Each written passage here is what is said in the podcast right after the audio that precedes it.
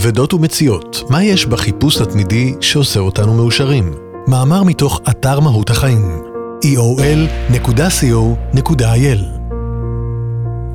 רובנו נמצאים בחיפוש אחר משהו.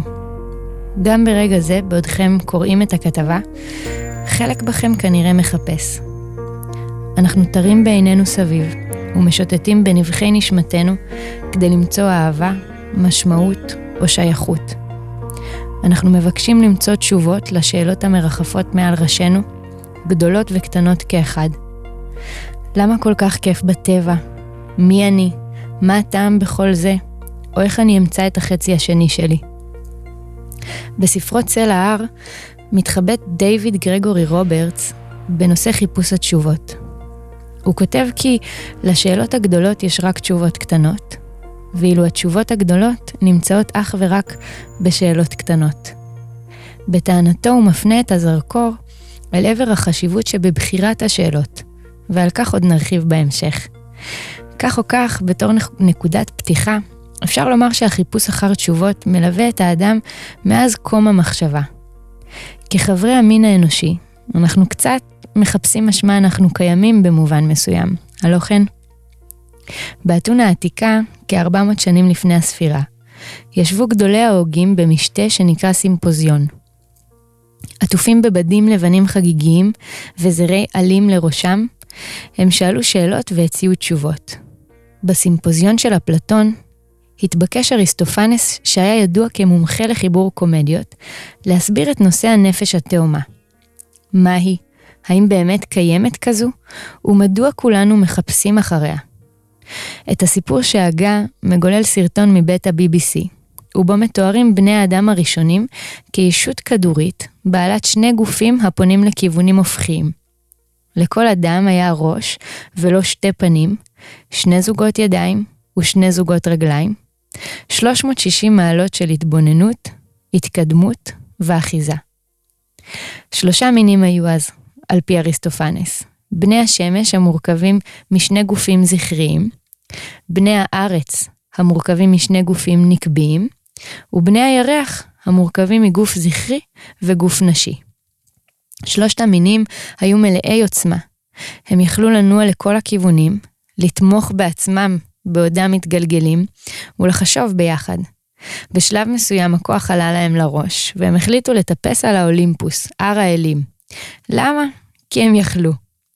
זהוס, מלך האלים, לא ראה זאת בעין יפה, ובכדי לעצור את המוטיבציה המתפרצת הזו, הוא שלף את חרבו, וגדע כל דמות הגלגלה לחצי. מאז, משוטטים בני האדם בעולם, חצאים חצאים, הורגים אל המלאות השורשית שלהם, כל אחד והחצי העובד שלו. האם כמו אותו אהוב נהדר, קיימים דברים נוספים שהיו ואינם, ולנו נותר לבלות את חיינו בחיפוש אחריהם? אולי משמעות החיים היא כזו? או שמא אנחנו מגייסים צוותי חיפוש גם עבור דברים שמעולם לא החזקנו, עבור שאלות ששמענו מאחרים לדוגמה. האם אנחנו מכורים לחיפוש אבל לא יודעים את זה? ג'ייסון סילבה, יוצר ערוץ היוטיוב Shots of A, השואף לעורר התלהבות וסקרנות פילוסופית בקרב קהל הצופים, הופך גם הוא במסע שלנו אחר תשובות.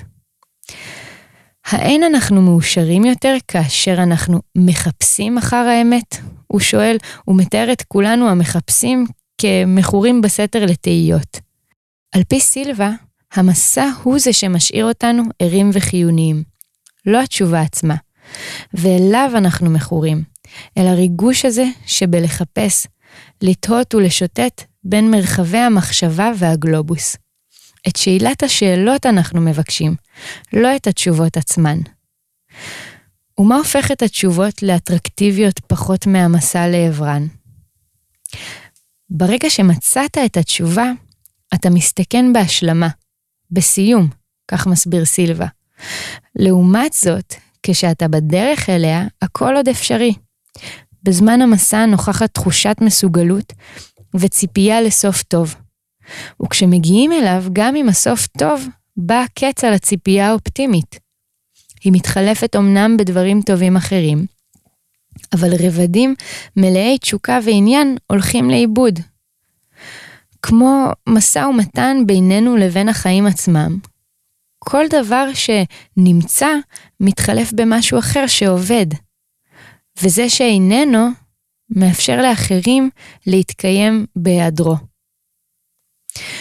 כמו נופים רכבי ידיים, כמו אוקיינוס הפרוס לפנינו, גם החיפוש אחר התשובה מעורר תחושה שהכל עוד אפשרי. אם אנחנו כל כך אוהבים את האפשרויות, למה אנחנו כל כך מפחדים להיות בתחילת הדרך? אז למה אנחנו כל כך נמנעים מלהגיד אני לא יודע, כאשר בלא יודע גלום מלוא הפוטנציאל?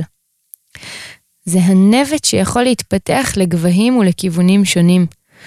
זו הנקודה שבה הכוס הריקה מהווה פתאום יתרון, ניצבת שלווה ומוכנה להתמלא. החיפוש, טוען סילבה, הוא בעצם המצב התודעתי שבו אנחנו שואפים להיות. כלומר, באופן בלתי מודע אולי, אנחנו רוצים להישאר מטיילים שוחרי משמעות, כי כאשר אנחנו מוצאים אותה, הטיול נגמר. מהו דיכאון שלאחר המסע? התשובות הן לא העניין, שאלות טובות יותר הן העניין, נשען סילבה על אמירה ידועה ומכוון את תשומת ליבנו אל מסע החיפוש.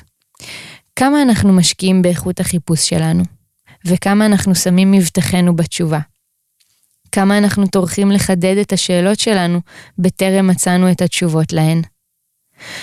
כמה ציפייה ותשוקה יש לנו אל הטיול עצמו, וכמה אל נקודת הסיום. בכתבה שפרסם A.R. פריס במגזין REI קו-אופ, הוא מספר על תופעה שנקראת דיכאון שלאחר מסע רגלי. גם אם לא שמעתם את המושג, אם אתם נמנים עם חתך האוכלוסייה מיטיב הלכת, יכול להיות שתזדהו עם ההרגשה. מסתבר שהיא מאוד שכיחה בקרב מטיילים היוצאים למסעות רגליים של חודשים, כאלו המעפילים אל פסגות הרים וחוצים יבשות עם תיק על גבם.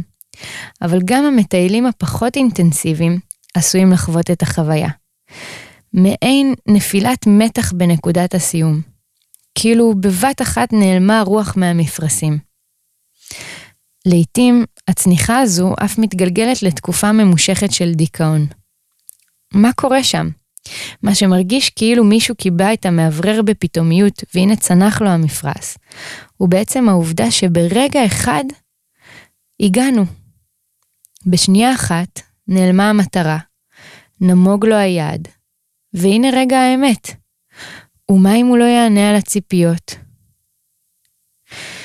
לא הרגשתי כלום, כותב פריס, על הגעתו לפסגת ההר. הלוואי ויכולתי לבכות או להרגיש כל דבר, הוא אומר. כנראה שכאשר העיניים נשואות אך ורק אל עבר הפסגה, בהגיענו עלול להיווצר ואקום.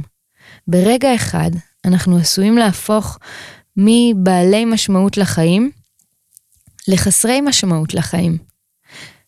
ממטיילים חדורי מוטיבציה לסתם אנשים הניצבים על פסגת הר.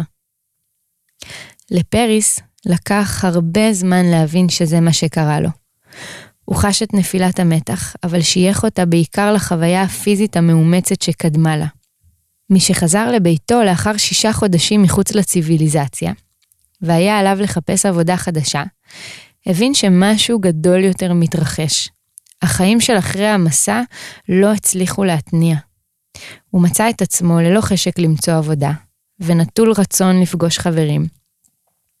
הרגשתי שאני לא שייך לשום מקום, הוא משתף, ומשם הכל המשיך להידרדר מטה להתנהגויות פזיזות ולמחשבות אובדניות.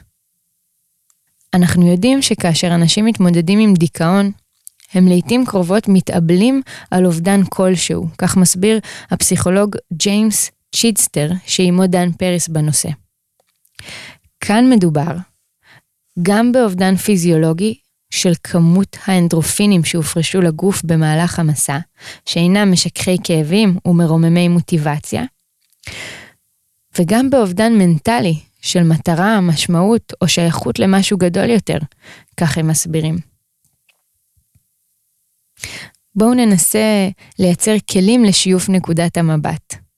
אז מה אפשר לעשות כדי להימנע מהדיכאון שלאחר המסע הרגלי?